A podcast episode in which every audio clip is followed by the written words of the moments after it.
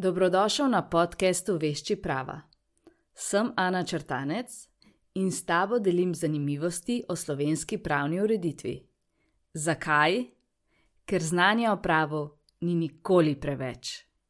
Če ti vsebina všeč, bom zelo vesela, če se naročiš na podcast, pustiš kakšen komentar in nasploh podcast priporočiš prijateljem, da se beseda o njem razširi in da dvignemo raven poznavanja prava v Sloveniji. V tokratni epizodi mm, sem se odločila za temo kazensko pravo. In zato sem povabila posebno gostjo, odvetnico Katarino Mervič. Katarina je partnerica v odvetniški pisarni Senica in partnerji. To je ena izmed najbolj priznanih odvetniških pisarn v Sloveniji.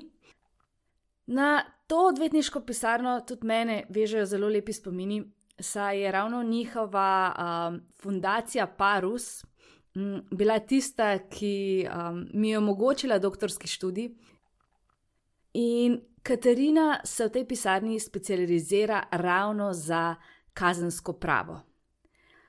S Katarino se poznava še iz šolskih let, saj smo bile sošolki na pravni fakulteti v Ljubljani. V pogovoru sem jo povprašala mnogo stvari. Vprašala sem jo, kaj so osnove kazenskega prava, kaj je razlika med kaznivim dejanjem in prekrškom, kdaj govorimo o materialnem pravu, kdaj o kazenskem procesnem pravu. Na to smo spregovorili o oblikah krivde, oblikah kaznivih dejanj, kaj je to silobran, kaj je to skrajna sila.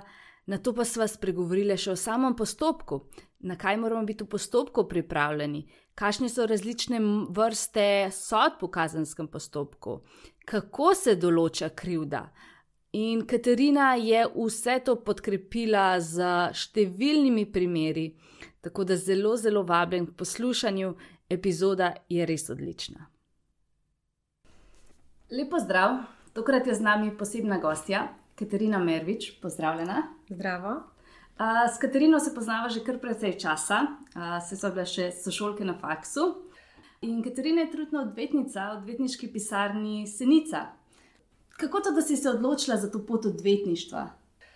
Um, ja, v bistvu sem si že od nekdaj želela postati odvetnica. Še v bistvu, preden sem začela študirati pravo, sem nekako imela to željo.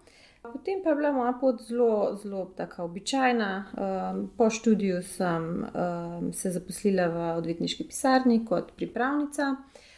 Na to sem v bistvu nadaljevala uh, sodniško pripravništvo na sodišču v Ljubljani, in po pravosodnem izpitu uh, sem se zaposlila na okrožnem sodišču v Ljubljani in sicer na kazenskem, kazensko-pravnem oddelku. Tam sem se v bistvu bolj spoznala z kazenskim pravom, zelo mi je postalo všeč in zelo hitro sem dobila tudi priložnost za delo v odvetniški pisarni Senica in partnerji, kar sem z veseljem seveda zagrabila in od takrat dalje sem v bistvu vse čas upeta dejansko samo v, mislim, večinoma samo v, ukvarjam se predvsem s kazenskim pravom in lahko bi rekla, da v tem res uživam, ker sem si to res, res od nekdaj že želela. Zakaj je kazensko pravo? Kazensko pravo se mi zdi, je meni pač tako uh, všeč, ker se ukvarjaš z tistimi um, res pristnimi življenjskimi zgodbami, uh, veliko stika imaš uh, z ljudmi, si v bistvu neka uh, glavna opora skozi te težke uh, postopke, te kazenske postopke. In um, v bistvu to delo mi res, mi, mi res všeč, uživam v tem. Da, zato kazensko pravo. Wow. To je res redko, ker ponavadi je tako. Vem, poznam veliko ljudi, ki pravijo, joj, pa to so umori, pa to so tatvine, pa to so težki trenutki.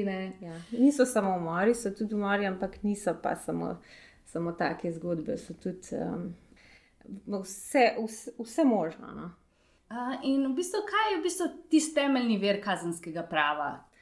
Pravni viri kazenskega prava so definitivno prvi primarni vir Ustava Republike Slovenije. Ustava določa namreč neke temeljne družbene vrednote, ki so v bistvu takšnega pomena, da jih je treba tudi kazensko pravno zavarovati. Tukaj imamo v mislih predvsem človekove pravice in temeljne svoboščine, pa tudi osnove družbene in politične ureditve. Ustava pa vsebuje tudi določbe, ki so v bistvu načelnega pomena pri uveljavljanju državne represije. Kaj to sploh pomeni represija? Represija. V bistvu gre za neko prisilo, oziroma kdaj lahko država odgovori z nasiljem proti posameznikom. Ustava recimo izredno določa, da v Sloveniji ni smrtne kazni, poudarja recimo načelo zakonitosti, pri določanju kaznjivih dejanj in pa kazenskih sankcij. To pomeni, da nihče ne sme biti kaznovan za dejanje, za katero zakon ni določil, da je kaznivo in ni zanj predpisal kazni, še preden je bilo dejanje storjeno. To je pač pomembno, zato da je neka pravna varnost, zato da ti že vnaprej veš, kaj je tisto, česar ne smeš početi. Potem naslednji pravni vir uh, je kazenski zakonik. Kazenski zakonik uh, ima dva dela, splošni in posebni del. Splošni del se ukvarja predvsem z temeljnimi načeli, pa splošnimi pogoji, uh, ob katerih se neko, kaznivo, se neko dejanje sme šteti za kaznivo, in uh, ob katerih se sme storilcu izreči kazenska sankcija. Potem je pa tudi posebni del tega zakonika. Posebni del pa vsebuje v bistvu konkretne člene, ki poimenujejo posamezna kazniva dejanja, opišajo zakonske znake, pa določijo tudi kazen za to kaznivo dejanje. Sam postopek, eh, postopkovne določbe vsebuje zakon o kazenskem postopku, potem imamo tudi zakon o izvrševanju kazenskih sankcij, zakon o odgovornosti pravnih oseb, in to, to so ti osnovni, osnovni pravni viri, pa seveda tudi druga druga, druga zakonodaja, tudi mednarodne pogodbe, ampak v osnovi je to, to kar sem omenila. Okay, umenila si torej neki kazenski zakonik, pa zakon o kazenskem postopku. Torej, en je bolj materialni zakon, pa en je bolj procesni zakon. Kaj pa v bistvu to sploh pomeni? Uh mhm. -huh. V bistvu kazensko pravo, kot si je že omenila, se deli na materialno in pa procesno kazensko pravo. Materialno um, je tisto, oziroma kazensko-pravne določbe materialne narave so tiste, ki določajo, katera človeška ravnanja so kazniva in ki um, takšne dejanja tudi opisujejo, definirajo in razmejujejo od drugih dejanj, ki niso kazniva. Sem sodijo pa tudi tiste določbe, ki povedo, katere kazenske sankcije in ob kakšnih pogojih se lahko tudi izrečejo storilcem kaznjivih dejanj. Potem pa to materialno pravo se šele uresniči skozi procesno pravo. To je pa skupek določb, ki ureja sam postopek, torej pristojnosti, dožnosti, pravice in medsebojne odnose organov, ki sodelujejo v predkazenskem in kazenskem postopku, pa tudi potem pravice in dožnosti drugih udeležencev kazenskega postopka. Tukaj mislim predvsem obdolžencev, zagovornikov, prič, oškodovancev in izvedencev in tako, in tako dalje. Kdaj pa sploh postanemo kazensko odgovorni? Torej, naš zakon določa, da si kriv, če storiš kaznivo dejanje, pa se v postopku ugotovi, da si bil ob storitvi tega dejanja prišteven, da si ravnal z naklepom ali pa iz malomarnosti, če je pač dejanje, ki je lahko kaznivo tudi iz malomarnosti, in si se ob tem tudi zavedal ali bi se moral in mogel zavedati, da ravnaš v nasprotju s pravom. Pri tem pa niso podani nobeni drugi razlogi, ki bi izključili tvojo krivdo. Um, U, zdaj smo fuleni, ja, ja, to je um, zdaj čista zakonska. A, a so kakšni, ne vem, leta? Zdaj si sploh lahko uh, kazensko pravno obravnavan, v bistvu uh, more, ne smeš biti uh, mlajši kot 14 let. Torej, vsaj 14 let moraš dopolniti, mlajše storilce pač se ne more kazensko pravno obravnavati, lahko se jih obravnava v okviru drugih postopkov, ampak ne pa v kazenskem postopku. To je prva stvar. Druga stvar, ki sem jo v tej definiciji mogoče omenila, je ta prištevnost. To je recimo tudi nek tak um, zanimiv termin, ki se tudi pogosto pojavlja um, v časopisih, medijih, slišimo pogosto za njega. neprištevan, ne, storilec ne more biti kriv. To pač takšna je naša ureditev. E, in neprištevan storilec je tisti, ki v času, ko, naj, ko je izvršil kaznivo dejanje, ni mogel razumeti pomena svojega dejanja ali pa ga ni mogel imeti v oblasti. In sicer zato, ker, imel, ker ima neko duševno motno ali pa neko duševno manj razvitost.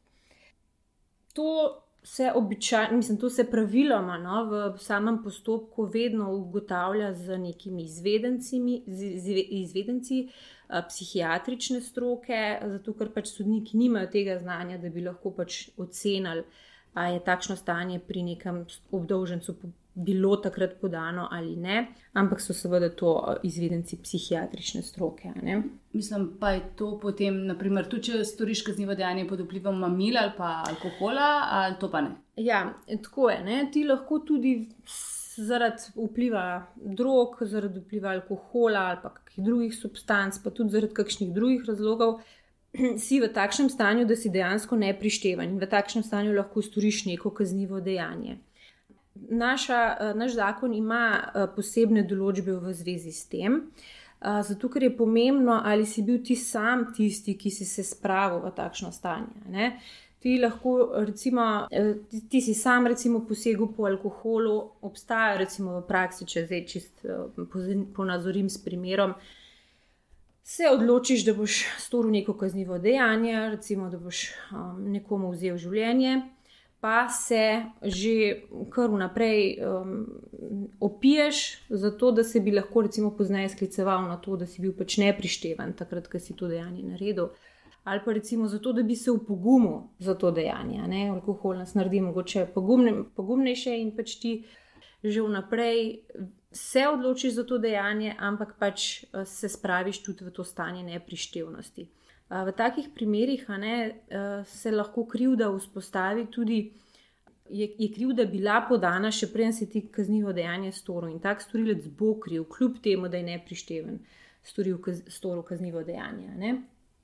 Potem imamo tudi pogoste primere v praksi, recimo voznikov v cestnem prometu, ki vozijo pod vplivom alkohola, pa recimo povzročijo nesrečo, pa se potem branijo. Recimo, Jaz, da se pač niso nič spomnili, da, da ne vejo, da če bi pač se zavedali, da se nikoli ne bi usedli v, usedli v avto. Ne? V takih primerih se tudi potem ugotavlja, ali je pač ta storilec sam sebe spravil v takšno stanje in je lahko podana njegova uh, krivda za kaznivo dejanje, še preden je pač prišel v stanje ne, uh, te neprištevnosti. Recimo, se ti odpelješ z avtom na neko zabavo, kjer veš, da se bo pilo alkohol pa veš, oziroma prakticiraš to, da tudi, da tudi vinjen, oziroma opit vož, voziš v avto in tudi veš, da boš po zabavi se odpeljal domov, kljub temu, da boš pil. Torej, priješ na zabavo, se, go, se upiješ in potem v stanju neprištevnosti se usedeš um, za volan in povzročiš prometno nesrečo, ki ima pač hude uh, posledice. Ne? V tem primeru tak storilec seveda bo odgovarjal in bo kriv. Ok, omenila si tudi dva pojma in sicer naklep in malomarnost. Kaj pa je to? To sta obliki krivde, ki jih pozna naš kazenski zakonik. Kaznivo dejanje je storjeno z naklepom, če se je storilec zavedal svojega dejanja in ga je hotel storiti, temu rečemo direktni naklep. Lahko je pa podan tudi eventualni naklep, to je pa takrat, kadar storilec stori kaznivo dejanje oziroma se je zavedal, da lahko stori kaznivo dejanje, pa je v to privolil. To je pač, um, recimo, na primeru, če ponazorim, kaj direktni naklep. Se odločiš, da boš nekoga pretepel, greš in pač to tudi izvršiš.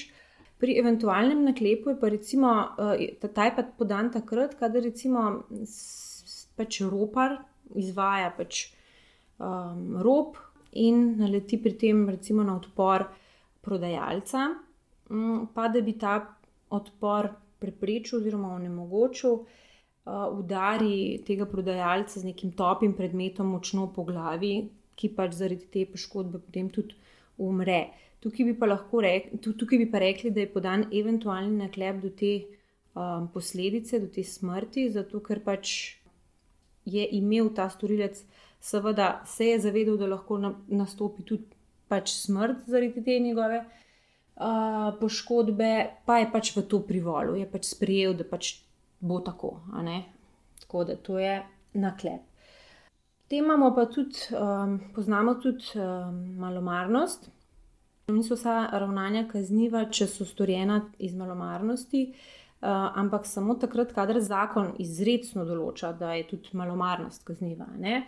Malomarnost pa pomeni, oziroma malomaren storilec pa je tisti, ki um, ni ravnal s potrebno pazljivostjo, čeprav se je zavedal, da lahko stori dejanje, pa je lahko miselno mislil, da se to pač ne bo zgodilo ali pa da bo lahko to preprečil. Temu rečemo zavestna malomarnost. Torej, storilec se je zavedal, da lahko pride do kaznjivega dejanja, do prepovedane posledice, pa pač lahko miselno misli, da, ne, da bo preprečil ali da se to ne bo zgodilo, ali recimo preceni svoje sposobnosti in tako dalje. In kaj bi bil kakšen tak primer?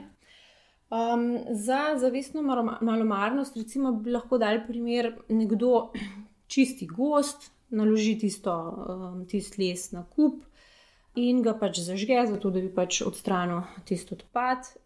Pa misli, da če bi slučajno se začel ogenj širiti, da bi tudi lahko pravočasno pogasil ogenj, pa pri tem recimo ne vzame tudi v obzir to, da tisti dan ravno piha in potem ta veter dejansko razpiha te iskre in požge celoten gost. To, bi to bi bil recimo tak primer te zavestne uh, malo, malomarnosti. Ali pa recimo, kar je kar pogost primer. No? Neka nevarna vožnja, nekdo prehiteva, krši vse možne predpise, vozi po nasprotnem pasu, pa pač misli oziroma preceni svoje sposobnosti, da itak ne bo storil noben, da ne bo prišlo do prometne nesreče, ne, ampak do prometne nesreče pride. Tako da on ni želel povzročiti prometne nesreče, zavedal se je, da, to lahko, da to lahko, do tega lahko pride, pa je mislil, da bo pač sposoben to preprečiti. Kaj pa pol druga? Uh, nezavestna malomarnost, to je pa podana takrat, kadar se pa storilec ni zavedal, da lahko stori de, uh, kaznivo dejanje, pa bi se bil po okoliščinah in po svojih osebnih lastnostih tega moral in mogel zavedati. Ta oblika krivde je naj, mislim, je kazniva res um, v redkih primerih, zato ker v bistvu jo hitro lahko že zamenjamo za naključje težko je v bistvu oceniti oziroma presojati, ali bi se, če se nekdo ni zavedal, da sploh lahko naredi nekaj narobe, pa mi zdaj tle le presojamo, da bi pa se mogel zavedati in moral glede na vse svoje okoliščine. Ne? Tako da se pojavlja tudi ta oblika krivde, ampak bolj redko. Pa naprimer pri pol pri dosojanju kazni se upošteva, ali je šlo za naklep ali malo manj. Tako, seveda, kazen se vedno odmeri glede na uh, težo. Eh, oziroma glede na obliko krivde, seveda je naklep težja oblika krivde kot malomarnost. Malomarnost na kazniva dejanja um, so lahko tudi um, mileje kaznovana, pa kazen je možno, zakon izredno določa, da je možno kazen storilcu, ki je ravnal iz malomarnosti, tudi odpustiti v določenih primerjih. Torej je spoznan za krivega, pa se mu kazen sploh ne naloži. Aha, to pomeni, da se odpusti, da Tako, je pa v postopku pa spoznan za krivega. Tako, je spoznan za krivega, je pač tudi izdana obsodilna sodba, ampak kazen se mu odpusti. To so pa recimo primeri povzročitve uh, prometne nesreče iz malomarnosti, z nekim smrtnim izidom. Uh, recimo starš vozi uh, avto, povzroči prometno nesrečo, uh, do katere pride zaradi kršitve kakšnih uh, cestno-prometnih predpisov, pa pri tem umre recimo nekdo, otroka, ne, ki je sedel zadaj na zadnjih um, v avtu. In v teh primerih ne, tudi kazen ne bi bila, um, ne bo dejansko pravično izreči, zato ker tak storilec je že zadosti kaznovan. In v takih primerih pač si storil, seveda, kaznivo dejanje, si spoznan za krivega, ampak ti kazen lahko sodišče odpusti. Ko dostakrat slišimo pojem silobran, pa skrajna sila. Kam, kam pa to vezo v kazenskem postopku? Eh, skrajna sila je um, tudi recimo, institut, ki izključuje krivdo. Če deluje storilec v skrajni sili, potem tak storilec ne more biti kriv, tudi če je uh, storil kaznivo dejanje. Torej, dejanje je pa tak storilec storil zato, da bi odvrnil od sebe ali koga drugega neko istočasno nevarnost, ki je ni bilo mogoče drugače odvrniti. Zdaj, za primer si lahko, si lahko predstavljamo planinca, ki, poda, ki gre v gore in naleti, oziroma se pri, pač začne pripravljati neko hudo, hudo neurje. In zato, da bi se obvaroval, obvaroval, da bi se rešil, udre v neko kočo in tam počaka, da to hudo neurje mine. Seveda je storil kaznivo dejanje ulomne tatvine, ampak seveda je to storil zato, ker je ravnal samo, samo zaščitno, zato da bi sebe obvaroval pred nekim hujšim zlom, ki, ki mu je grozilo. Zato tak uh, storilec ne bo mogel biti spoznan za krivega v kazenskem postopku, bo pa lahko seveda odgovarjal temu lastniku koče po nekih pravilih odškodninske odgovornosti. Uh, potem je pa silobran. Dejanja, ki so pa storjena v silobranu, pa sploh niso protipravna. Ne? Silobran je tista obramba, ki je nujno potrebna, da storilec odvrne od sebe ali koga drugega istočasen protipraven napad. Istočasen napad pomeni, da pač dejansko napad, takrat, ko se ti braniš, traja. Ne recimo, da te nekdo um, napade, pa potem ta napad že preneha, pa storilec odide, ti pa tečeš za njim in ga potem še ti napadeš. To recimo ne more biti silobrana, ne? ker ni istočasen, istočasna obramba. Uh, tudi ne more biti silobran, če se ti braniš pred nekim mm, zakonitim, recimo, policist te želi obvladati, v nekem policijskem postopku, pa se ti braniš. To pač ni protipraven napad na te, tako da tukaj tudi s silobranom ne moreš biti uspešen. Ne? Potem poznamo tukaj v tem okviru tudi um, prekora, institut prekoračenega silobrana. Recimo, če si predstavljamo primer, da te nekdo napade, pa se potem ti temu napadu ubraniš, skladiš recimo napadalca na tla, ta že recimo pade v nezavest, pa ga ti kljub temu še kar pretepaš naprej, mu pri tem um, zadajaš nove poškodbe, ta napad je že prenehal, zato pač tudi tvoj, tvoja obramba mora takrat prenehati. Če pa ti s, te, s to obrambo kar nadaljuješ, oziroma še pretepaš tega uh, napadalca naprej, je pa tu prekoračen silobran in tudi kot tak, seveda, bo kazensko pravno obravnavan. Pa če greva v bistvu še malo bolj na začetek, kakšne vrste kaznjivih dejanj mi sploh poznamo? Vrste kaznjivih dejanj. Kazniva dejanja ločimo lahko recimo glede na način izvršitve. To so kazniva dejanja, ki jih naredimo s storitvijo, storitvena kazniva dejanja ali pa opustitvena kazniva dejanja. Pri storitvenih se zahteva neka naša aktivnost, aktivno ravnanje za, na, za a, izvršitev kaznivega dejanja, recimo tatvina, huda telesna poškodba in tako naprej. Opustitvena kazniva dejanja pa v bistvu uh, do njih pride že zaradi naše pasivnosti, ne naredimo nečesa, kar bi recimo mogli narediti. To so pa recimo uh, opustitev pomoči osebi, ki je v smrtni nevarnosti, če bi te osebi lahko pomagali v dani situaciji brez nevarnosti zase. Uh, ali pa recimo opustitev ovadbe, da se pripravlja neko kaznivo dejanje v določenih primerih, kadar gre za res uh, kakšna huda kazniva dejanja to bi, recimo, v takih primerih lahko že naša pasivnost pomeni kaznivo dejanje. Potem ločimo kazniva dejanja tudi glede na prepovedano posledico, to so poškodbena kazniva dejanja in pa ogrozitvena kazniva dejanja. Že sama dikcija pomeni, da pri poškodbenih more priti do neke poškodbe zavarovane dobrine, recimo huda telesna poškodba. Pri ogrozitvenih je pa dovolj, da je neka zavarovana dobrina že samo ogrožena. Ne? To je pa recimo povzročitev splošne nevarnosti. Tak primer, tam ne, ni treba, da je kdorkoli uh, poškodovan, da, kdorkoli, ne vem, da nastane sploh kakšna posledica, dovolj je, da se že dokaže, da so bili ogroženi. Ne? Potem poznamo tudi, glede na časovno obdobje, v katerem je mogoče izvršiti kaznivo dejanje, poznamo trenutna kazniva dejanja, pa trajajoča kazniva dejanja. Trenutna so tista, ki se lahko izvršijo že v trenutku ali v nekem zelo kratkem času, tatvina, recimo. Trajajoča kazniva dejanja eh, so pa kazniva dejanja, pri katerih storilec povzroči nek nastanek protipravnega stanja in ga potem tudi določen čas vzdržuje, recimo protipraven odzem prostosti. Ne? Potem ločimo kazniva dejanja tudi glede na to, kdo je lahko njihov storilec. Imamo splošna kazniva dejanja, ki jih lahko stori kdorkoli. tudi tukaj lahko omenjam tatvino, hudo telesno poškodbo in pa posebna kazniva dejanja. To so pa tiste, ki jih lahko stori samo oseba z neko določeno lastnostjo. To je pa recimo um, zloraba uradnega položaja, ki, lahko, ki jo lahko naredi, stori samo uh, uradna oseba. Ne? Če ti nisi uradna oseba, tega kaznive dejanja sploh ne moreš storiti. E, recimo v gospodarstvu, zloraba položaja, pri gospodarski dejavnosti, pa tudi recimo malomarno upravljanje lekarniške dejavnosti, to lahko seveda upravlja, naredi samo tisti, ki upravlja to dejavnost in tako naprej. Je kar nekaj takih, takih kaznjivih dejanj. Kakšne so pa pol sploh možne kazenske sankcije po naši zakonodaji? Torej, kazenske sankcije delimo na tri skupine. Prva so kazni, to so zapor, denarna kazen, pa dve stranski, to sta prepoved vožnje motornega vozila, pa izgon tujca. Potem imamo opozorilne sankcije, to je pogojna obsodba, ki je lahko tudi recimo, dodano varstveno nadzorstvo, to pomeni, da nas v času pogojne obsodbe recimo, nadzoruje neko svetovalec.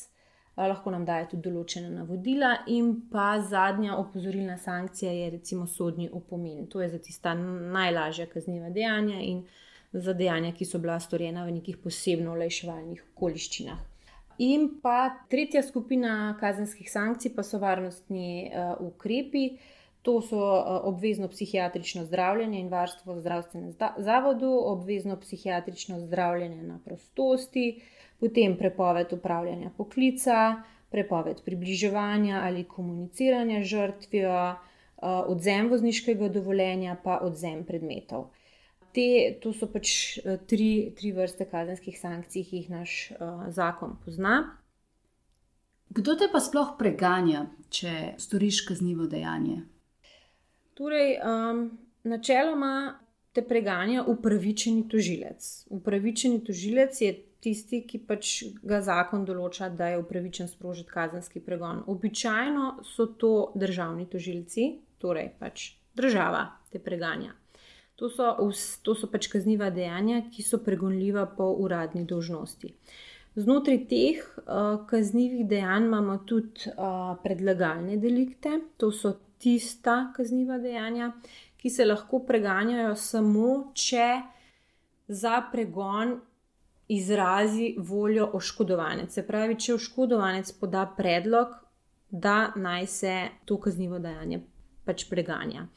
Tudi v, recimo v primeru, da bi tožilec zvedel, da je bilo neko kaznivo dejanje storjeno, ki se preganja na predlog, ne bi mogel sam začeti postopka, če ne bi imel ustreznega predloga strani oškodovanca ne, pri teh kaznjivih dejanjih. In kje so kaj taka kazniva dejanja? To je recimo grožnja, pa lahka telesna poškodba. Pri teh recimo mora biti nek, izkazana neka aktivnost oškodovanca. Ne. Potem imamo pa tudi kazniva dejanja, ki se pa preganjajo na zasebno tožbo. Zasebni tožilec je pa v bistvu oškodovanec. Zasebna tožba pa se mora recimo vložiti pri kaznivih dejanjih za oprčast in dobro ime, recimo razžalitev, žaljiva obdolžitev. Teh kaznivih dejanj ne preganjajo državni tožilci, kazniva de, ta kazniva dejanja mora preganjati oškodovanca. Pa je tega dost? Ja, tega je kar veliko, uh, tega je kar velik, tudi v, med mojimi primeri imam tega kar velik. So pa to tako, tudi meni najbolj, najmanj priljubljena kazniva dejanja, ker vedno uh, nekako um, trčijo tudi ob pravico do svobode izražanja in potem je treba tudi, tudi v, teh, v teh primerih tehtati. Uh, ločnica ni tako zelo enostavna med tem, kaj je kaznivo, pa kaj, kaj je še dopustno. Tako da, tudi ko pride stranka, recimo, nam na sestanek, je težko garantirati nek, nek uspeh. Uh, se tega, seveda, pač za, vsak, za vsako zadevo je tako, da uspeha ne moreš kar garantirati, ampak pri teh kaznjivih dejanjih je pa res sodna praksa zelo um, uh, nepredvidljiva.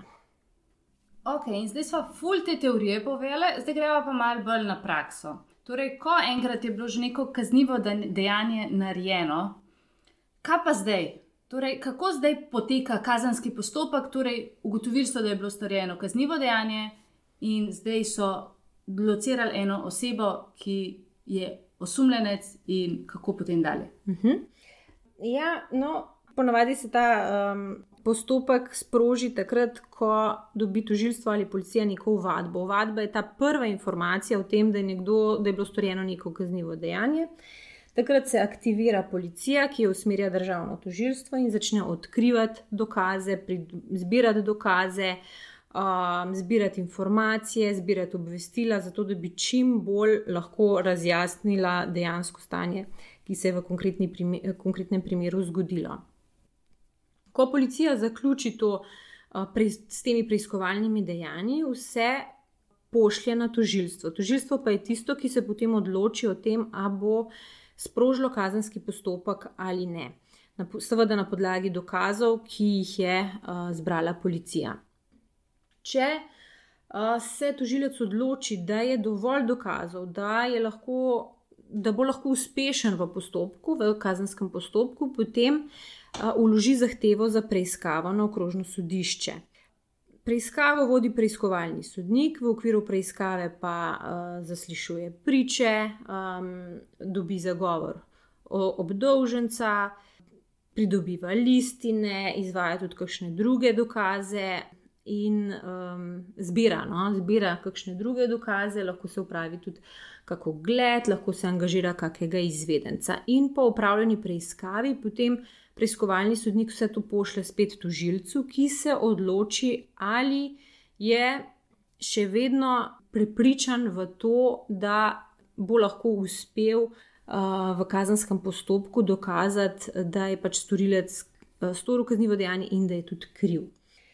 V tem primeru um, vloži potem obtožnico in postopek se zdaj prevesi v fazo, ki je pa mogoče nam najbolj znana iz televizije, torej pride do tistega sojenja.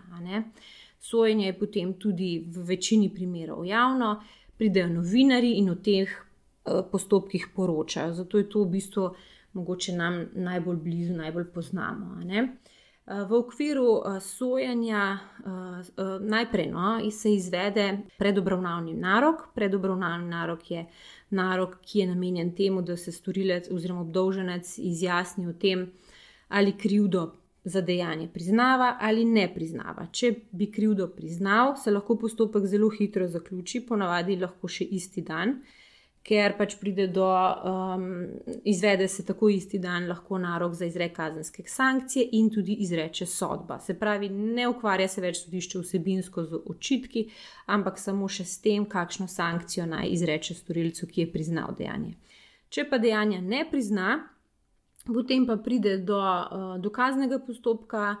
Eh, kjer se zaslišujejo priče, kjer se berejo listine, kjer se pogleda vse zbrane dokaze in na koncu postopka se tudi izreče sodba.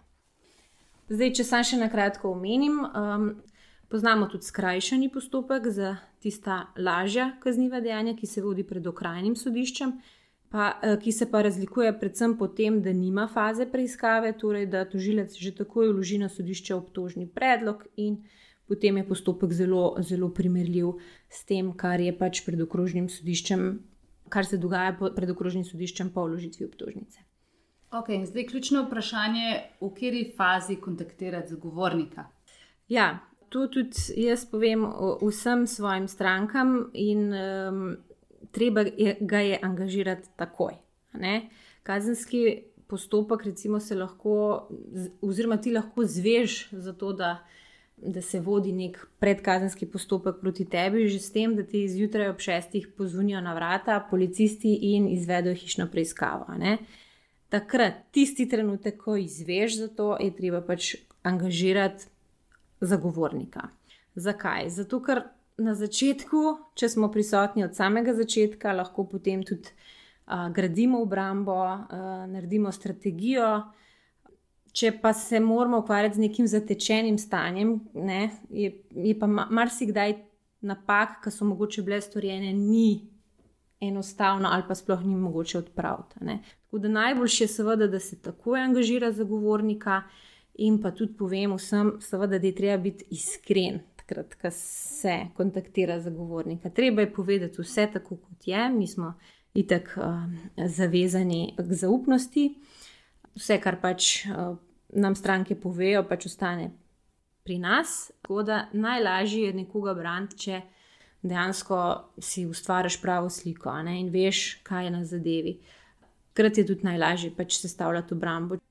Tako je pa pač tudi, če ga ne angažiraš čist takoj, ga je pač res uh, dobro angažirati tudi tekom postopka, kadarkoli. Zato, ker uh, kazenski postopek ima lahko hude posledice, kazni so lahko zelo hude, prostostne kazni. In um, smiselno je, da pač vsak naredi vse, kar je v njegovi moči, da bi pač imel najboljšo možno obrambo in da bo tudi potem seveda ga doletela neka ali, ali pač seveda recimo oprostilna sodba ali pa neka naj, najmilejša kazenska sankcija. Ne. Kaj pa, naprimer, če nekdo nima denarja, da bi si prvoščil enega zagovornika, kaj pa pol? Ja, v teh primerih tudi uh, je uh, pri sodiščih angažirana brezplačna pravna pomoč. Postavijo se tudi odvetniki po uradni dožnosti. Uh, recimo, poznamo kar nekaj kaznjivih dejanj, pri tistih najhujših kaznjivih dejanjih, kjer je celo obramba po zagovorniku obvezna in če si ga stranka sama ne vzame, jih ga pač postavi sodišče. Če pač sredstev za to nimaš, seveda lahko zaprosiš za uh, brezplačno pravno pomoč. Kako se pa pol zbirajo dokazi v samem postopku? Večkrat smo že slišali za pojem domnevane dolžnosti. Kaj zdaj to pomeni? Uh, ja, domnevane dolžnosti, uh, to je načelo domnevne dolžnosti, v bistvu eno izmed temeljnih načel kazenskega prava. Pomeni pa, da kdo je obdolžen kaznivega uh, ravnanja, velja za nedolžnega, dokler njegova krivda ni ugotovljena s pravnomočno sodbo. Uh, To pomeni, eh, da eh, dokler nisi ti pravnomočno obsojen, veljaš v očeh vseh za nedolžnega. Si je pač kar mal težko predstavljati, da se vodi kazenski postopek proti nekomu, za katerega že v izhodišču ne, se predpostavlja, da ni kriv. Ampak tako, ta, takšno načelo pri nas določa že ustava. Iz tega načela izhajajo tudi potem določene pravice obdolženca v kazenskem postopku, recimo ta, da ima pravico do molka, lahko je popolnoma pasiven v kazenskem postopku, ne, ne, rabi, ne rabi se niti zagovarjati, niti nič povedati, ne rabi priznati nobene krivde, lahko je popolnoma tiho. Ne? Potem naslednja stvar, ki izhaja tudi iz načela domneve nedolžnosti, je ta, da je pač breme dokazovanja v kazenskem postopku na tožilcu. Torej, da je tožilec tisti, ki mora dokazati krivdo, ni pa obdolženec tisti, ki mora dokazati, da je pač nedolžen. In na koncu, seveda, če obstaja še vedno kakšen dvom v to, da je pač nekdo storil kaznivo dejanje, je treba uh, takega uh, obdolženca oprostiti. Večkrat slišimo um, tudi, da se postopek ustavi. Kdaj pa to pride v poštev? Ja, recimo postopek se ustavi v različnih primerih. Eden izmed ta je, recimo, če obdolženec uh, tekom postopka umre. V takem primeru se postopek ne more več voditi naprej ampak se postopek ustavi. Ustavi se lahko tudi, recimo, v določenih primerjih, če še ni bila začeta glavna obravnava, pa je kaznivo dejanje že zastarano, ali pa recimo, če tožilec umakne obtožni predlog oziroma obtožbo. Če bi bila glavna obravnava že začeta, potem bi bila pa v takih primerjih izdana zavrnilna sodba. Uh, zavrnilna sodba pa pomeni kaj? Zavrnjena sodba pa pač pomeni, da se obtožba kot taka zoper uh, obdolženca zavrne, je pa v bistvu čist procesna, procesna sodba, nič vsebinskega, ampak zgodi se zaradi procesnih razlogov, torej pač umik obtoženega predloga ali pa umik predloga oškodovanca. Tudi, to, to so tisti predlagalni delikti, ki pač. Ker lahko postopek poteka samo, če oškodovanec to želi. Ampak to pa ne pomeni, da je nedolžen.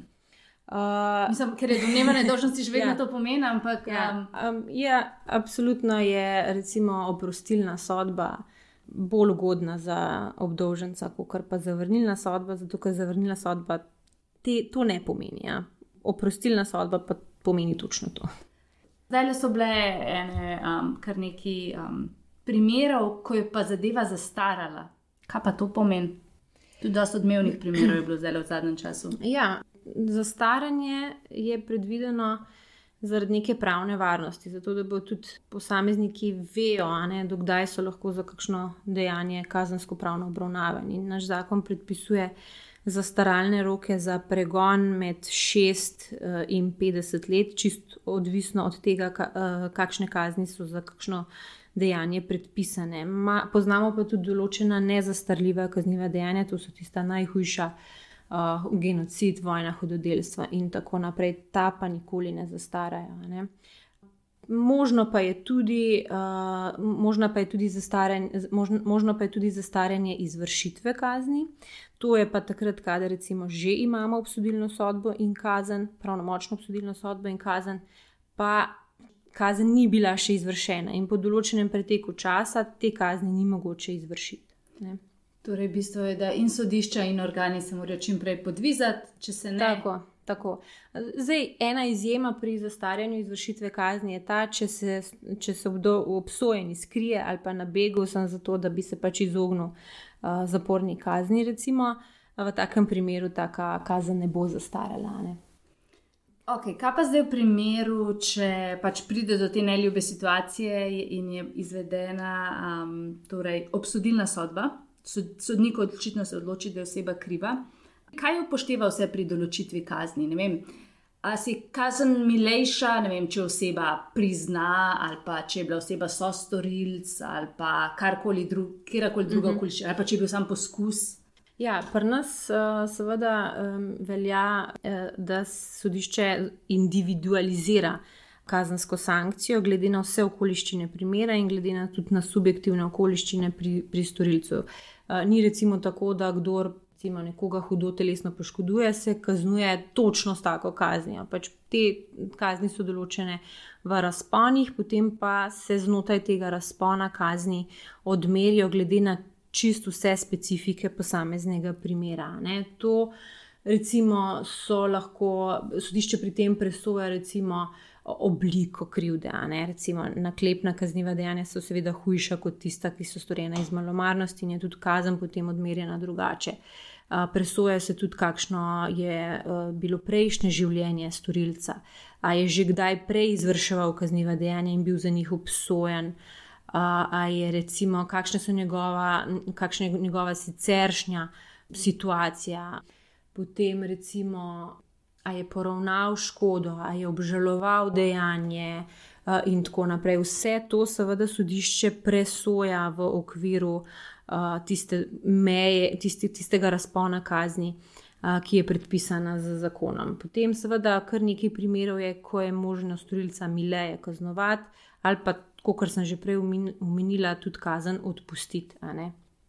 Uh, v primeru priznanja krivde. Uh, je pa tako, da že sam zakon predvideva, da je možno tudi pod, minimum, pod, pod, pod minimumom določene kazni, recimo, izreči neko kazen, se pravi, je možno storilca bistveno mileje kaznovati, če pač prizna krivdo že na samem začetku. Če za primer, če povem, ne, Recimo, medtem ko pogojne obsodbe ni mogoče izreči pri nas za kazniva dejanja, pri katerih je predpisana minimalna kazen tri leta zapora ali več, pa je recimo v primeru, da krivdo priznaš, lahko izrečena prav pogojna obsodba tudi za kazniva dejanja, kjer je predpisana minimalna kazen do petih let. Se pravi, imaš lahko pogojno obsodbo tudi za uh, hujša kazniva dejanja, kot sicer, če kaznivega dejanja ne priznaš. Ne. Kaj pa pomeni pogojna? Pogojna obsodba pomeni uh, dejansko, da ti sodišče določi zaporno ali pa denarno kazen, ki pa ne bo izvršena, če ti v določenem času, temu rečemo preizkusni dobi, ne boš izvršil nekega novega kaznivega dejanja. Torej, dejansko lahko ima taka, taka sodba, ali lahko brez posledic, nekih, nekih utipljivih posledic, lahko gre samo za uh, neko obsodbo na papirju. Ne. Ti pa v, v, v življenju, mislim, ti pa v, v dejanskosti ne občutiš nobenih hujših posledic. Kaj pa pri sostorilstvu, ali se upošteva, koliko je en prispeval k kaznivemu dejanju, ali so vsi na enak način? Ne, tudi tud, uh, v okviru, mislim, pri odmeri kazni sostorilcev, seveda, se upoštevajo te uh, specific, specifike vsakega posameznega storilca. Ne. tako da se vsakemu posameznemu storilcu odmeri kazen, glede na njegove okoliščine. Recimo, pa tudi uh, lahko je uh, milejša kazen, tudi pride v primeru, um, upoštev v primeru, da je pač bilo kaznivo dejanje, recimo, samo poskušano, ni bilo izvršeno, ampak je prišlo samo do poskusa kaznivega dejanja. Tudi v teh primerih je recimo, se lahko storilec mileje kaznuje in tako naprej. Teh primerov zakon predvideva še kar nekaj. No. Zdaj, če je prišlo do enega kaznivega dejanja, pa je bila seveda obsodilna sodba, ali je možno zahtevati tudi odškodnino? Ja, že tekom kazenskega postopka se lahko um, uveljavlja premožensko-pravni zahtevek in lahko v bistvu še preden je izrečena sodba, oškodovanc ta zahtevek uveljavlja v samem kazenskem postopku. Ni potrebno, da sproži zraven še civilni postopek. Če recimo tega ne naredi v, v te, tekom kazenskega postopka, lahko na podlagi obsodilne sodbe potem v pravdi uveljavlja uh, odškodninski zahtevek. Tako da odgovor je. Ja.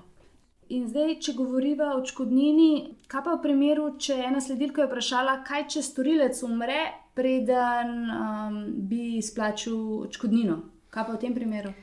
Uh, ja, zdaj, če umre tekom kazenskega postopka, se bo seveda ta kazenski postopek ustavil in um, Očkodnino bo treba uveljavljati v civilnem postopku po pravilih civilnega prava.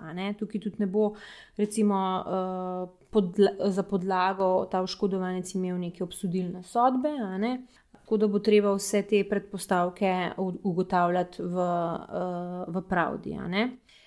Kjer osadišče pa potem sploh pristojno za odločanje v, v, pri kaznjivih dejanjih v kazenskem ja, postopku? Ja, to so pač okrožna sodišča za tiste milejše kaznive dejanja, kjer je predpisana denarna kazen ali pa zapor do treh let, pa so to ukrajna sodišča, ki izpeljajo potem tudi skrajšani postopek, ki se malo razlikuje od tega rednega sodnega postopka.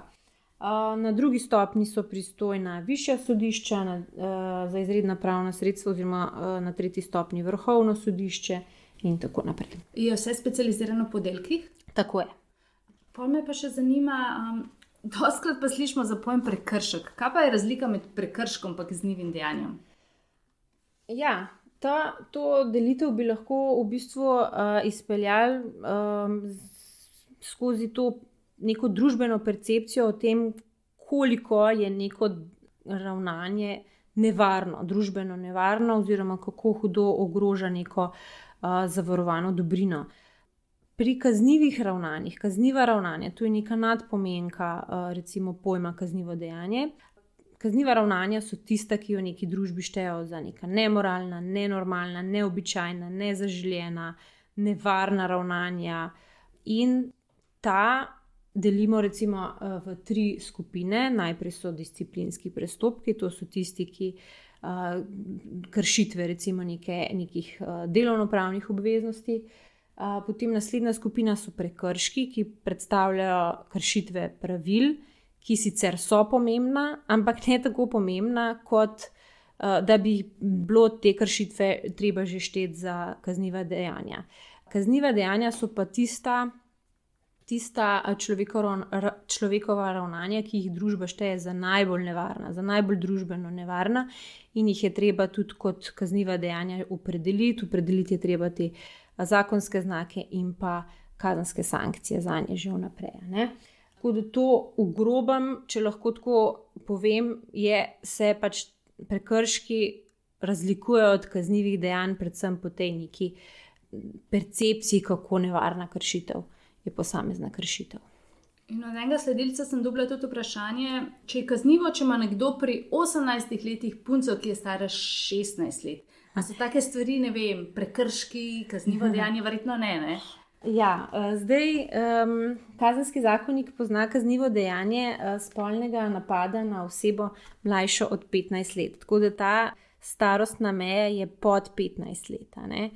Prepovedano so vsa, pač spo, so vsa spolna, spolna aktivnost no, z osebo mlajšo od 15 let. Tako da uh, odgovor sledilcu je seveda ne, zato ker 16 je že nad eh, to mejo. Uh, so pa seveda tudi ta kazniva dejanja. Zakon izredno določa, da je treba tudi presojati, kdo je storilec teh kaznjivih dejanj. Ne? Zato, ker lahko v primeru, da sodišče ugotovi, da, da, je pač, da je bilo to kaznivo dejanje storjeno proti osebi približno enake starosti in enake zrelosti. V tem primeru, seveda, tak storilec ne bo kriv. Tukaj govorimo predvsem o kakšnem medvrstniški spolnosti. Dva mlada, stara 14 let, raziskujeta. raziskujeta. V takem primeru najverjetneje ne bo šlo za kaznivo dejanje. Potem bi imela pa še eno vprašanje in sicer doskrat mi kolegice govorijo, da se vlagajo najrazličnejše ovadbe v postopkih, ki niso utemeljene. Tudi doskrat ljudje vlagajo ovadbe, kot so za naprimer zadeve, kot so naprimer neplačilo računa. Kaj pa v tem primeru narediti? Uh, ja, ta uh, plačilna disciplina je kar uh, postala uh, kar en velik problem uh, teh kazenskih postopkov, zato ker uh, upniki skušajo skozi kazenske postopke izterjati svoje, uh, svoje terjatve. Uh, zakaj kazenski postopek? Ponavadi je cenejši kot uh, pravda, pravda je treba pač pravda prinaša tudi lahko visoke stroške. Uh, je tudi uh, lahko dolgotrajna. In pa vprašanje je tudi, recimo, če je tvoj dužnik neka gospodarska družba, koliko boš ti v bistvu lahko sploh od te družbe izterjal, če je recimo že zdaj popolnoma izpraznjena. Medtem ko v kazenskem postopku preganjaš ti fizično osebo in ta oseba se lahko vedno boji, da boš posegel tudi na njeno premoženje. Zato, ker če bi bila ta fizična oseba, storilec, poznan za uh, krivga kaznivega dejanja, potem bi ti tudi odgovarjal za škodo, ki je nastala z vsem, pač seveda s svojim premoženjem. Tako da na ta način v bistvu uh, lahko upniki izvajo nek pritisk na svoje dolžnike, marsikdaj, tako kot se pač vidim v praksi, pa se tudi pogovarjam z kolegi. Uh, tožilci, pogosto se zgodi, da potem dejansko se eh, ljudje um, ustrašijo teh kazenskih ovadb, teh kazenskih postopkov, plačajo te svoje dolgove oziroma dolgove družb ne, iz svojega premoženja. Uh, in pa tudi vem za primere, kjer tožilci potem take. Obtožbe oziroma take postopke uh, ustavijo oziroma uh, umaknejo uh, obtožbe, zato ker je jim že to dovolj, da pač pride upnik do tega poplačila. Tleh je seveda problem, zato ker ti postopki obremenjujejo sodišča, marsikdaj so pač tudi, kot si rekla, ne, neutemeljeni, zato ker ni nekaj, ne plačilo računa, še ni nujno kaznivo dejanje. Marsikaj drugega je treba tukaj tudi dokazati, zato da bi lahko šlo za kaznivo dejanje. Ampak pač, ker je ta grožnja tega kazenskega postopka tako huda, se marsikdo marsik tega prestraši in potem rajš plača. Ne? Bi imela za konec še kakšen nasvet za, za, za osebo, ki se znajde v kazenskem postopku? Uh, ja, um, seveda, da pač res naj uh, ne podcenjuje teh postopkov, naj se hitro obrne na odvetnika, po možnosti čim prej, na takega, ki mu bo pač res lahko zaupala in ki. In mu mora tudi zaupati, mu mora povedati vse tako, kot je, položiti vse karte na mizo. Ne? Zato, ker samo v tem primeru bo pač mogoče tako stranko res najboljše braniti. Najlepše hvala ti za ta pogovor. Hvala, Ana, za povabilo.